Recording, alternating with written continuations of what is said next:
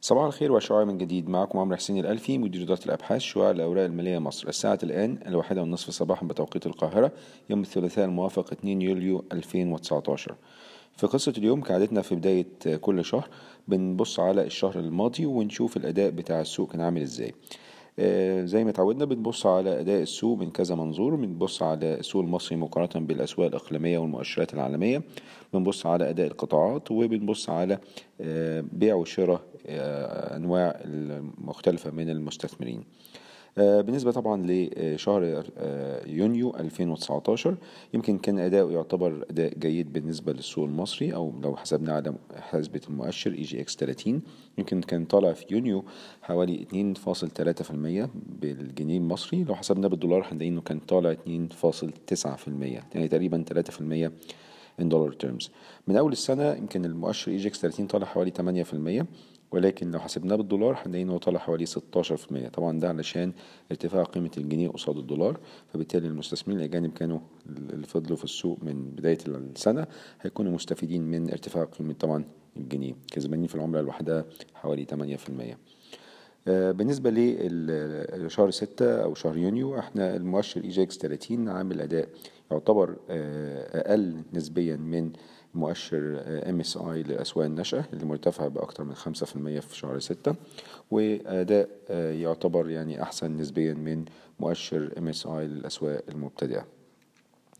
آه، ما زال طبعا ال- المؤشر EGX 30 يعتبر ثالث أرخص سوق في المنطقة العربية بعد عمان ودبي وده الحالة دي بقى لها فترة.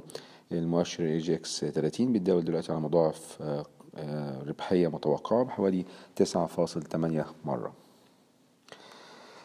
بالنسبة لأداء القطاعات في السوق المصري يمكن في شهر ستة ال- أحسن قطاعات عملت أداء في يونيو كان قطاع الاتصالات وقطاع السياحة. الاتنين طالعين بحوالي سبعة في المية وستة في المية على التوالي. طبعا قطاع الاتصالات كان مدفوع بالأداء الجيد لل Global Telecom بعد طبعا أخبار التسوية الضريبية مع مصلحة الضرائب المصرية وده طبعا إدى مؤشر إيجابي للقطاع ككل وللسوق بصفة عامة. أسوأ أداء يمكن في شهر يونيو كان لقطاعات التشييد والبناء ومواد البناء وقطاع الأغذية والمشروبات. كانوا منخفضين بحوالي 6% و3% على التوالي.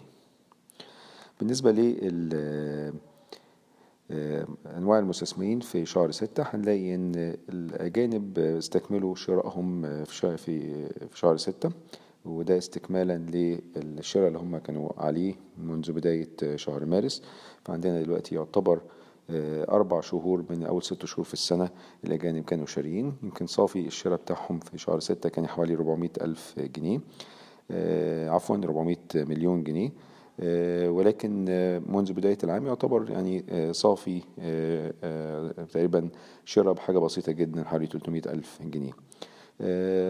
ده طبعا عشان البيع كان في أول شهرين من السنة هم عوضوه شوية أو عوضوه تقريبا بالكامل في الأربع شهور الأخرى من أول ست شهور اللي هو من يعني مارس لغاية شهر ستة.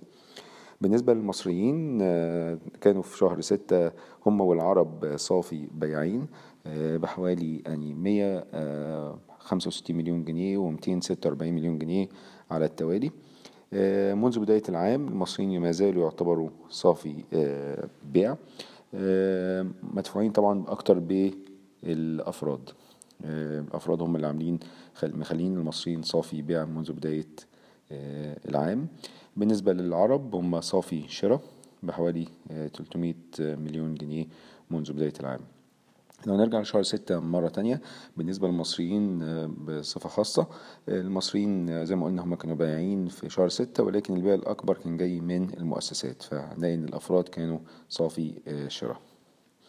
ده بالنسبة للأداء بتاع البورصة المصرية في شهر ستة. طبعا إحنا عندنا في التقرير اليومي بتاعنا بنبص برضو على الأداء النسبي لكل القطاعات المختلفة مقارنة ب EGX 30 و EGX 30 capped index علشان نشوف برضو الأداء لهذه القطاعات كان أداء نسبي يعني مقارنة بهذه المؤشرات منذ بداية العام. شكرا لكم. السلام عليكم ورحمة الله وبركاته.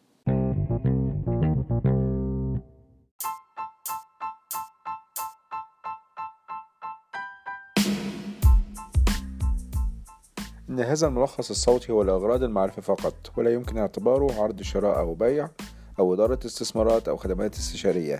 ينصح باستشارة مستشارك المالي قبل اتخاذ أي قرار استثماري.